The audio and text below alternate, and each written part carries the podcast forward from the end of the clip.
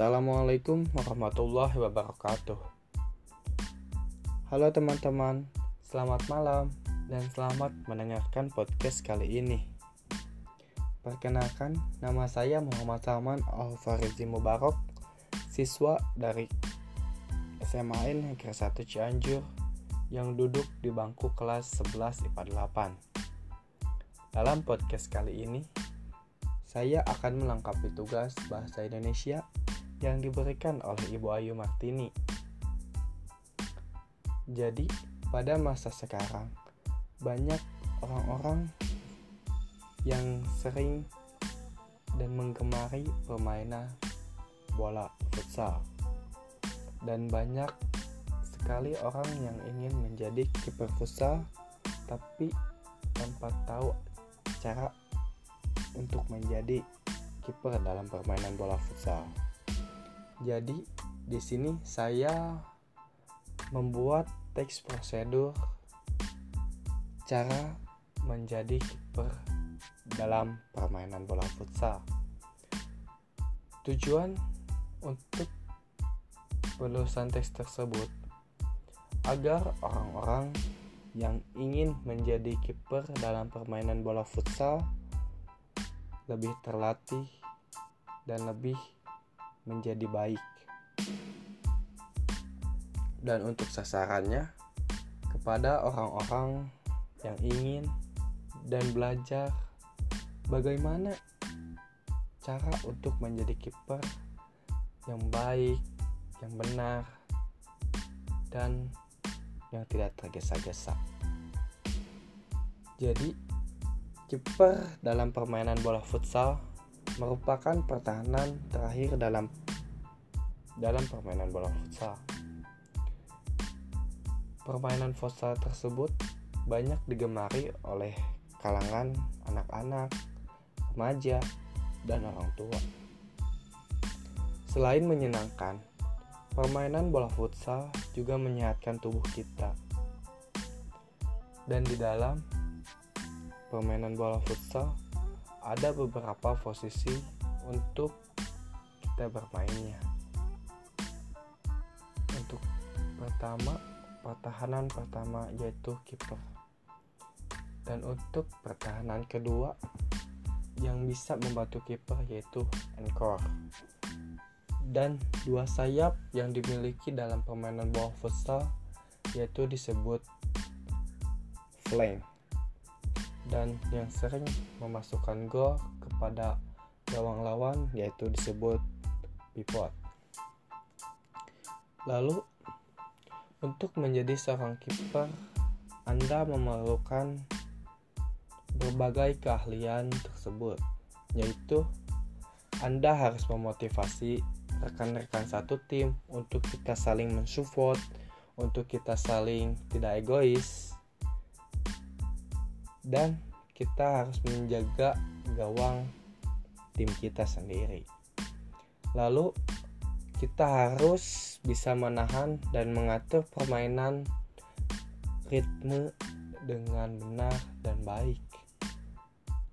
Lalu kiper mencegah peluang kebobolan untuk kebanyakan gol. Jadi untuk kiper itu pertahanan terakhir yang sering orang lain senangi, orang lain kesali. Jadi kiper itu sangat istilahnya mendeg-degan lah ya. Dan untuk seorang kiper kita harus memiliki kekuatan fisik, kekuatan mental, dan kelenturan tubuh kita.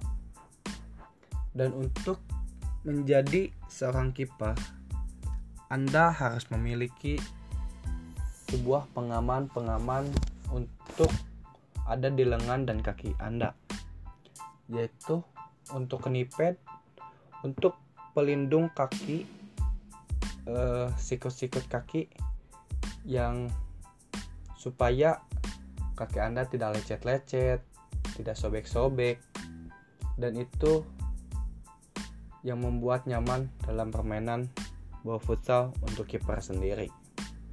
Lalu ada elbow pad elbow pad untuk menahan pelindung siku-siku tangan.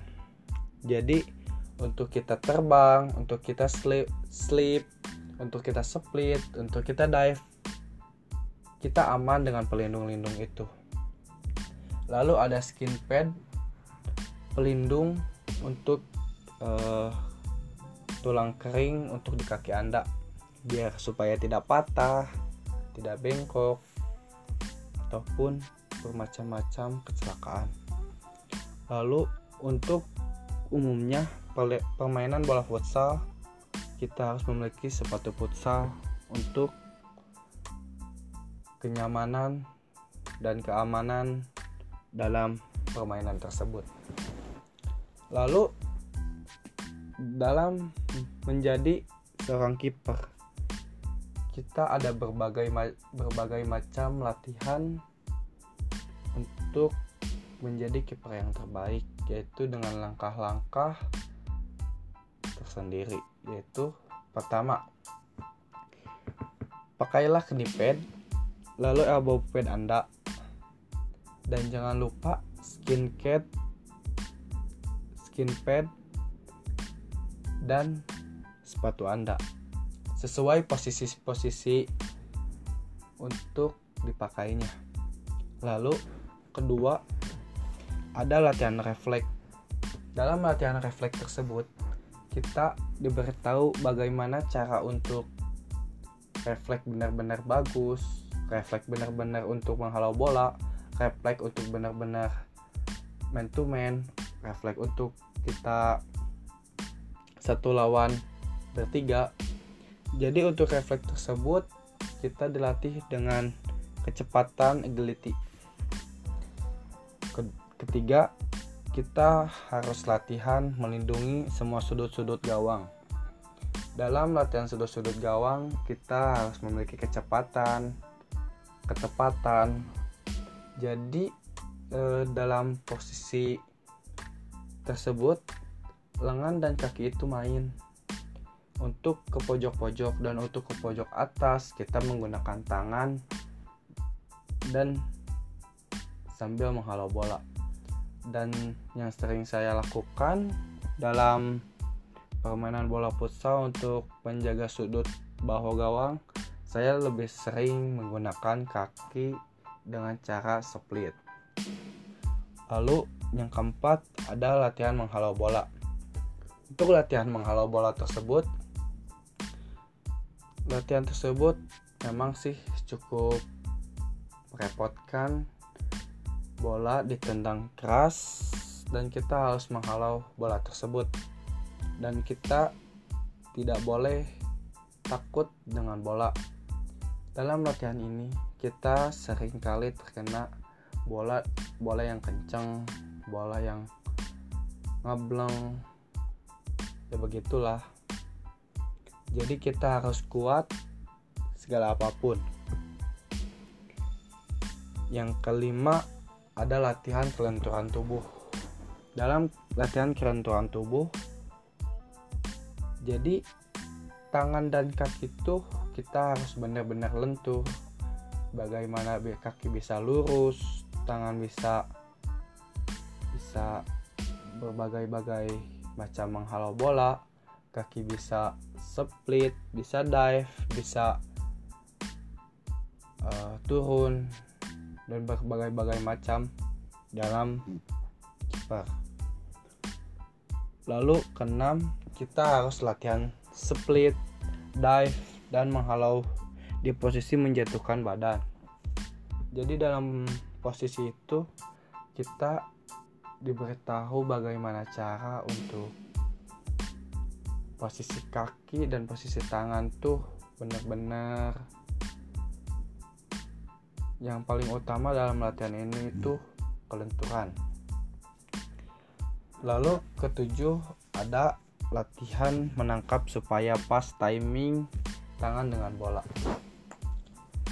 Hanya cukup sekian yang bisa saya beritahu untuk cara membuat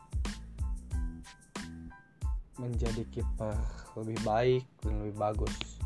Mohon maaf atas segala kesalahan. dan segala kekurangan. Wabillahi taufiq wal hidayah.